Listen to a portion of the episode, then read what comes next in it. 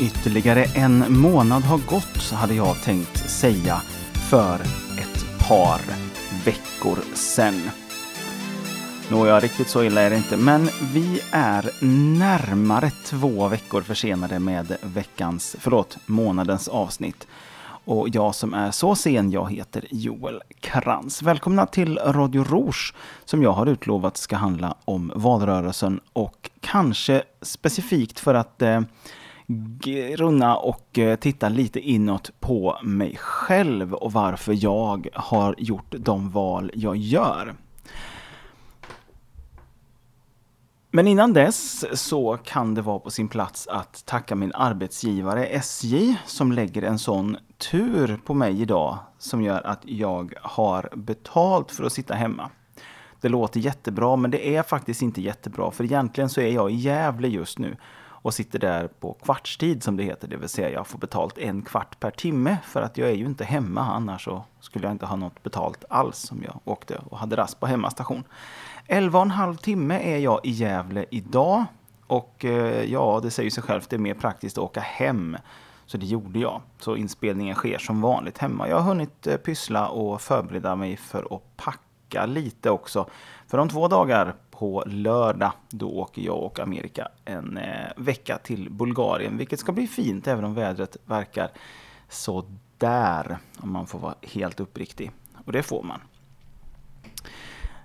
Mer än så, ja, jag sitter med eh, en skvätt eh, Pepsi Max och en Manna Frutti i det helt vansinniga sommarvärmen i ett Sverige som brinner och där till och med det Först på skämt, tror jag nästan, och sen på allvar har blivit frågan om ifall det faktiskt också är invandrarnas fel. Har vi ont om vatten för att muslimerna tvättar fötterna före fredagsbönen?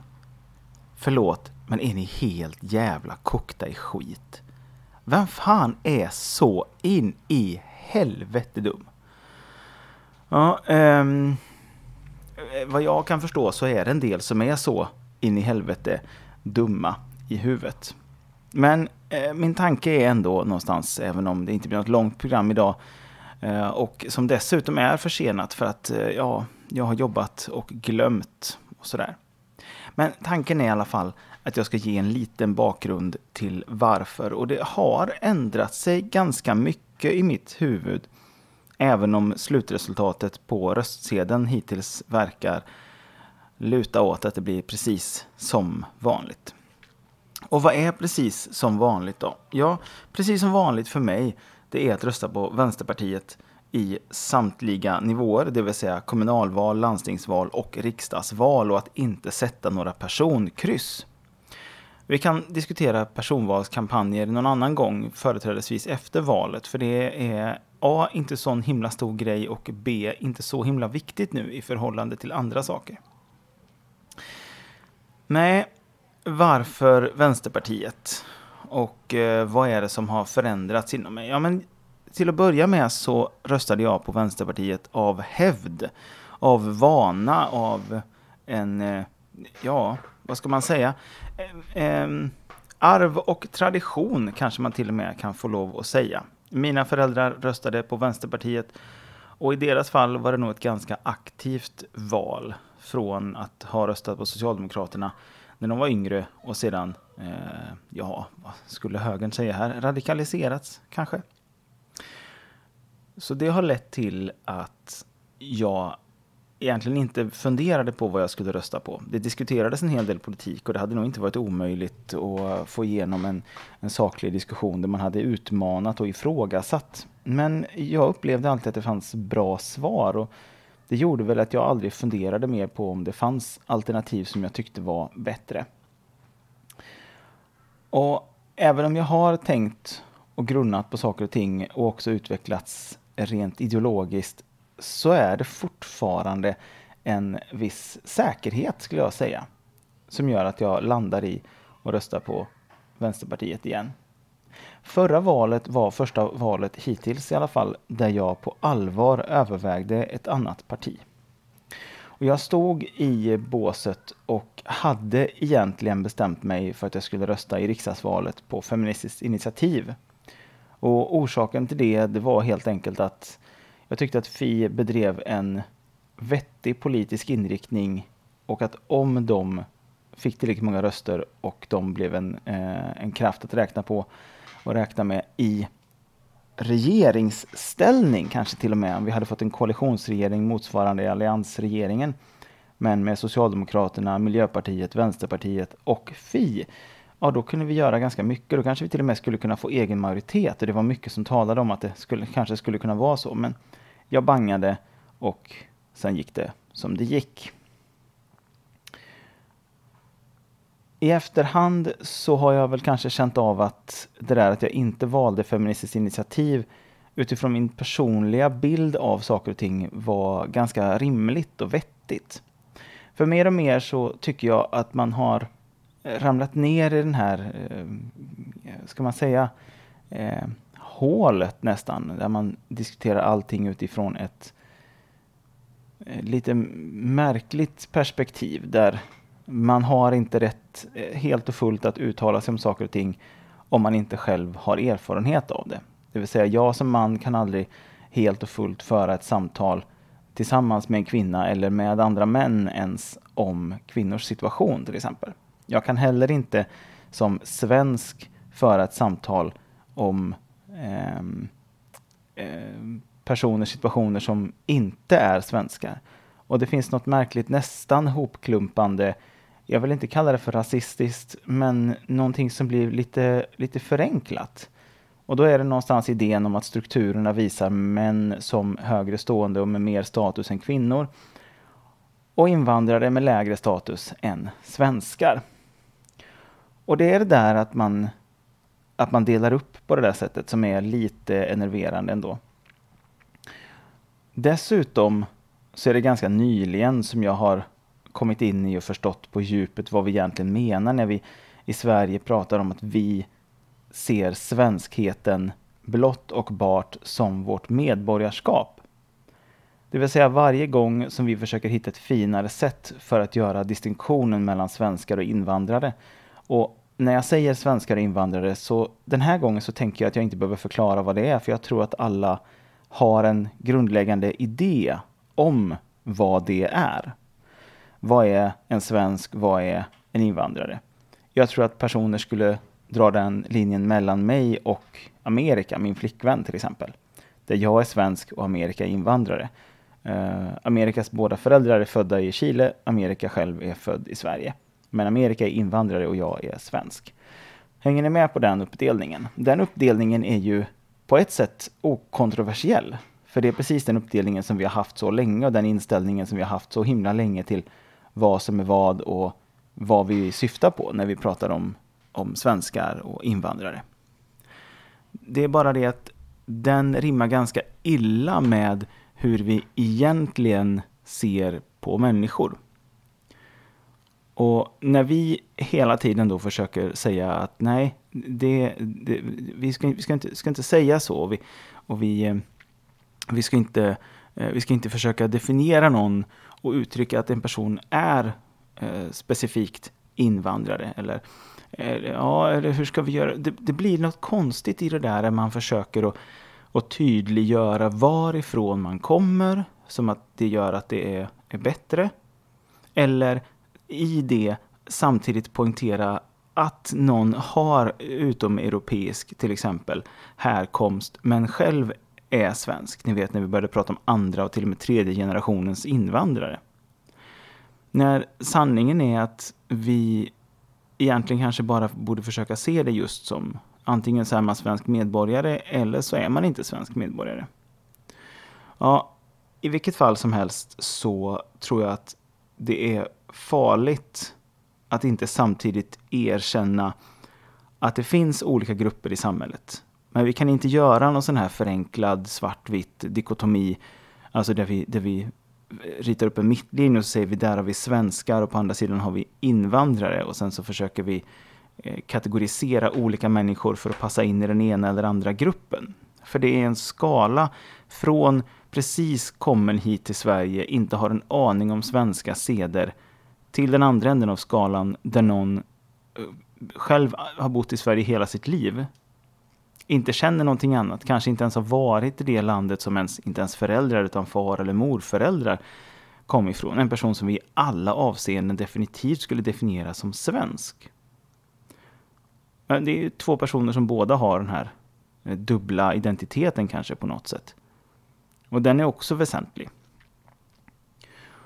Och orsaken till att jag överhuvudtaget går in på den här grejen, den här hela idén om vad vi definierar som svensk och vad det är för variabler som vi utgår ifrån när vi pratar om svenskhet. Det handlar väl just om att nu får vi ett val som i så himla hög utsträckning ska handla om det.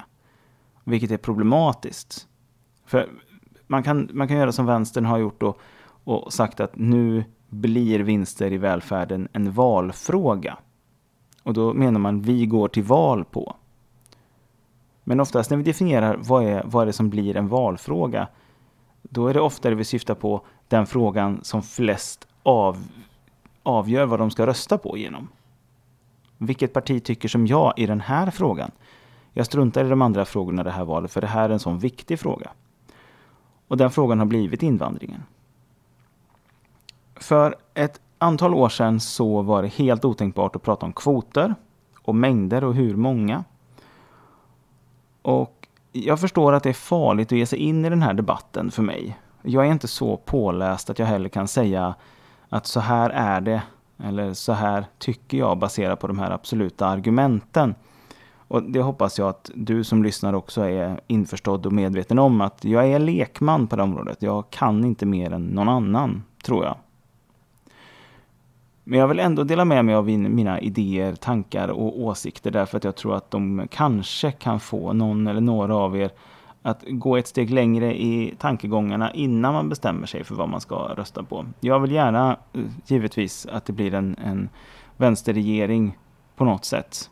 Men blir det nu inte det, och det är väl tyvärr mycket som talar för att det blir en borgerlig regering tillsammans med Sverigedemokraterna, då tycker jag att det är viktigt att vi vet vad det är, varför det blir så. Så utifrån mitt perspektiv, varför jag väljer att rösta som jag gör, med invandringsfrågan som fokus, då skulle jag säga att den, den mesta delen av det här, det är att förstå varför vi tar emot personer från andra länder. Så till vänster så vill man gärna undvika att prata siffror och antal och man vill gärna inte att man ska se det som eh, en kvot eller hur många har Sverige tagit emot av alla och så vidare. Och så vidare. Sverige har tagit emot många, många fler än vad vi klarar av eller Sverige har tagit emot många, många fler än andra länder. Man vill gärna inte prata om det. Men jag vill ändå börja i den änden för jag tror att det är väsentligt att prata om det också. För grunden till varför vi tar emot människor det är för att människor är på flykt och för att människor inte har möjlighet att stanna kvar i sitt hemland eller hemområdet eller närområdet heller. Så man flyr och man kanske har möjligheten till sist efter en både lång och farlig väg att resa och ta sig till Sverige.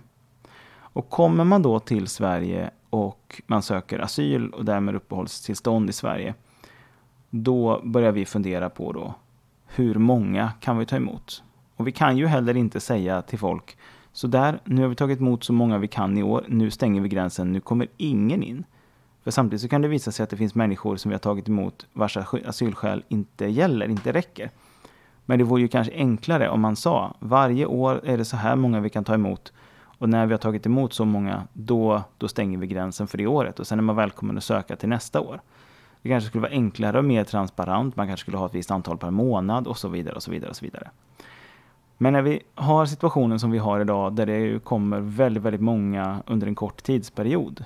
Då är det nästan omöjligt för oss att vara helt säkra på att veta att rätt personer får stanna förrän vi faktiskt fattar beslutet, vilket kan bli ganska långt senare. Och då måste också personer som kommer till Sverige ha någonstans att bo. Vi måste inhysa dem någonstans. Och det kostar pengar. Och det måste det också få göra. Men sen då? Sen när vi har tagit emot personer till Sverige och vi vill integrera dem till Sverige och, och vi vill att de ska anamma de svenska värderingarna. För det är i mångt och mycket det tror jag där skon klämmer. Det handlar inte bara om antalet. Utan det handlar också om vilka är det som kommer hit. Och här tror jag att man är ute och balanserar om möjligt ännu lite farligare. För det är givetvis så att om vi leker med två extremexempel, att vi skulle ta hit bara personer som är eh, kristna ifrån ett område där de förföljs och det är eh, ganska mm, moderna människor. De är eh, ganska sekulära till sin natur, men de, de, tror också på en gud. Då är ju inte gudstron i sig ett stort problem. Om vi å andra sidan tar emot stora mängder människor som inte kommer hit därför att de känner att i Sverige eh, så har man ungefär samma, samma livssyn och livsåskådning som jag. Utan det är helt enkelt därför att man söker en fristad av något slag. Och man vet att Sverige är sekulärt och här får jag utöva min tro. Och så kommer man till Sverige och sen så börjar vi säga att nej men du får inte utöva din tro på det där sättet. Varför säger vi det? Jo, det är ju faktiskt därför att även om jag inte tror på den här skrämseltaktiken och, och, och um, propagandan som säger att det är supermånga, så är det klart att det finns ett visst antal, om man tar emot många människor ifrån en viss eh, religion eller en viss kultur. Det är klart att det finns en del människor som har svårare att acceptera att delar av det måste man lämna ifrån sig. För det är ju faktiskt så att vissa delar av sin religion, om den religionen till exempel föreskriver att det finns ett visst sätt man sysslar med eh, skilsmässa eller eh, vissa typer av eh, medicinska procedurer som man får eller inte får göra. Det där blir jätteproblematiskt. Och det gäller givetvis inte bara eh, muslimer, men det är en grupp människor som vi pratar ofta om idag och det är klart att det vore konstigt att inte utgå från det då. Men där har vi till exempel eh, olika kristna grupper, Jehovas vittnen till exempel, som ju inte eh, går med på blodtransfusioner till exempel. Men där kan man ju säga att det, det, påverkar en själv. Även om man ju givetvis måste säga att det påverkar ju faktiskt exempelvis barn eller föräldrar eller sådär också. Som man kanske, man kanske mister någon. Någon kanske går bort istället för att, eh, för att faktiskt överleva. Just därför att man inte Eh, gå med på en blodtransfusion. Och det är svårt, givetvis. Och vi kan inte säga att man får neka en blodtransfusion av andra skäl, men inte av religiösa skäl. Det blir också jättesvårt. Jag kommer inte ifrån, och det är här någonstans som vi kommer till pudelns kärna vad gäller att mina idéer har förändrats en del under åren. Jag kommer inte ifrån att det här väldigt förenklade men ändå ganska tydliga uttrycket eh, svenska lagar gäller i Sverige är ganska, ganska talande på något sätt. För det är klart att de gör det och ska göra det och vi ska inte ha ett, ett parallellt rättsväsende. Men frågan är också hur stort det problemet är. Att det finns, det vet vi. Att det är problematiskt att det finns, det vet vi. Och de individer som blir påverkade av det och som kanske också har mycket, mycket svårare att till exempel skilja sig från sin man eller från sin fru. Det är ju oftast kvinnor som har problem i den här situationen snarare än män. För de individerna är det ju lika jobbigt vare sig hon är en person i hela Sverige eller 35 000 i Sverige. Och det måste vi också komma ihåg att det blir en skillnad eh, om det är många eller en person, men för varje individ är det lika stort problem för honom eller henne. På samma sätt så kan vi inte ha eh, personer som, som aktivt saluför idén om att eh, det är skillnad på människor, olika människor är olika mycket värda. Det funkar inte riktigt i ett, i ett samhälle att man till exempel säger att homosexuella inte ska ha samma rättigheter eller att eh, det finns eh, människor som som, eh, som är mindre värda på ett eller annat sätt. Det, det funkar inte. Punkt. Och det är här tror jag någonstans där det blir lite svårt att så som vänstern ofta har pratat om det här, sagt att det här är en del av en större struktur. Att män beter sig på det här sättet gentemot kvinnor i en religiös kontext, det är egentligen del av en patriarkal struktur. Och det är ju egentligen inte falskt. Men det är kanske oväsentligt i sammanhanget. Därför att om vi ska kunna ta itu med problemet, då kanske vi inte kan se det från det perspektivet. För då får vi svårare att interagera med människor som själva är ointresserade av en så pass eh, progressiv och långt fortskridande idé som vad patriarkatet per definition betyder. Och en muslimsk kvinna som inte lyckas skilja sig därför att hennes man har rätt att säga nej till skilsmässan. Hon söker inte efter en eh, mycket progressiv feministisk eh, rörelse för att hjälpa henne specifikt.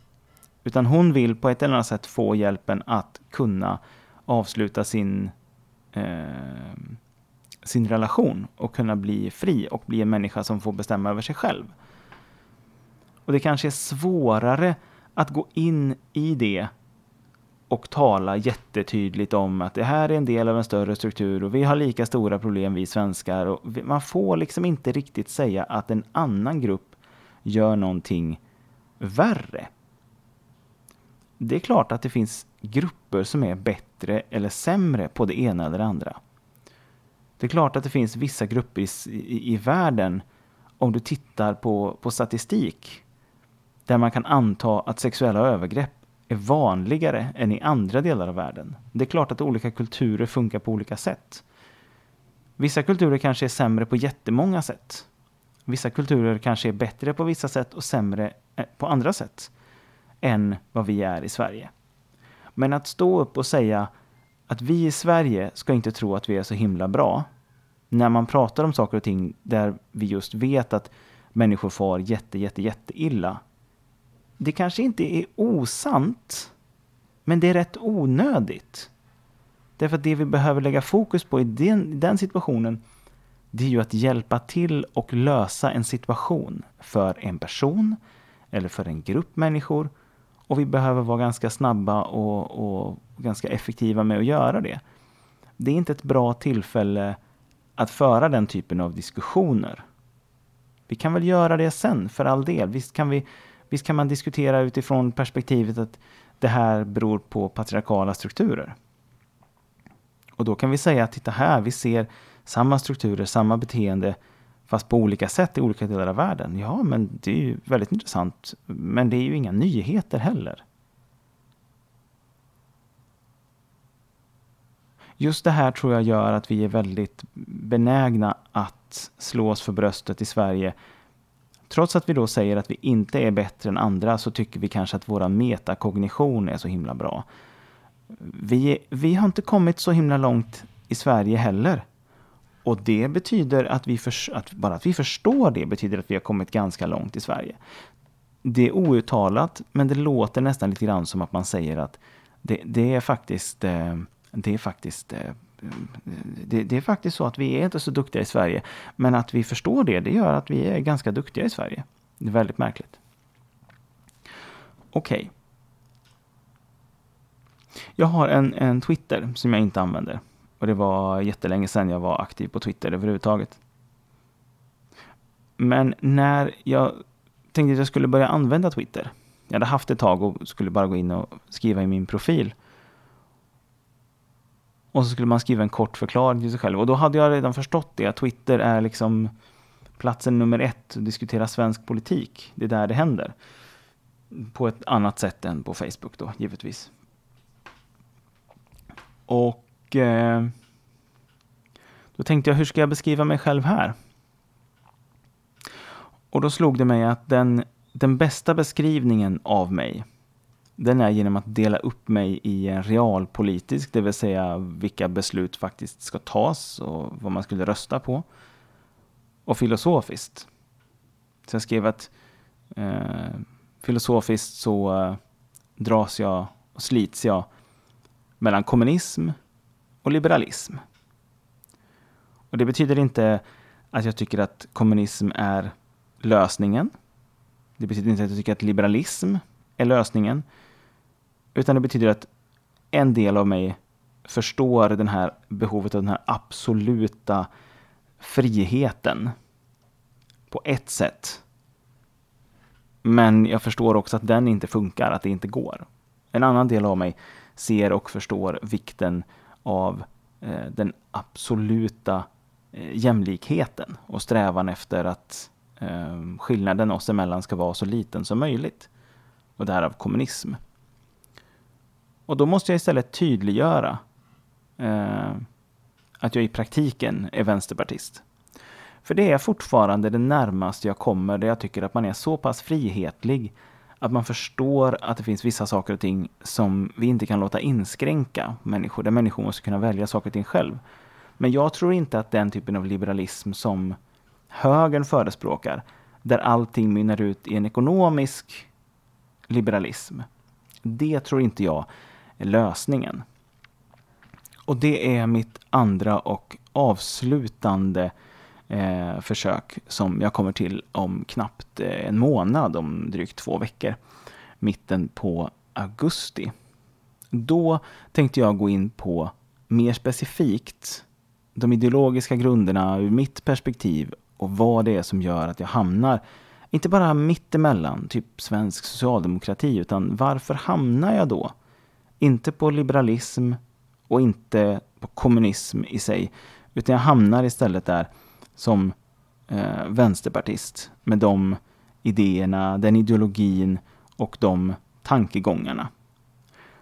Så nästa program tänkte jag faktiskt att jag skulle ägna helt och hållet åt det för att försöka ge en, en liten bakgrund även i det, även i det mer och mer strikt teoretiska, får man väl säga, och hur det sen hänger samman.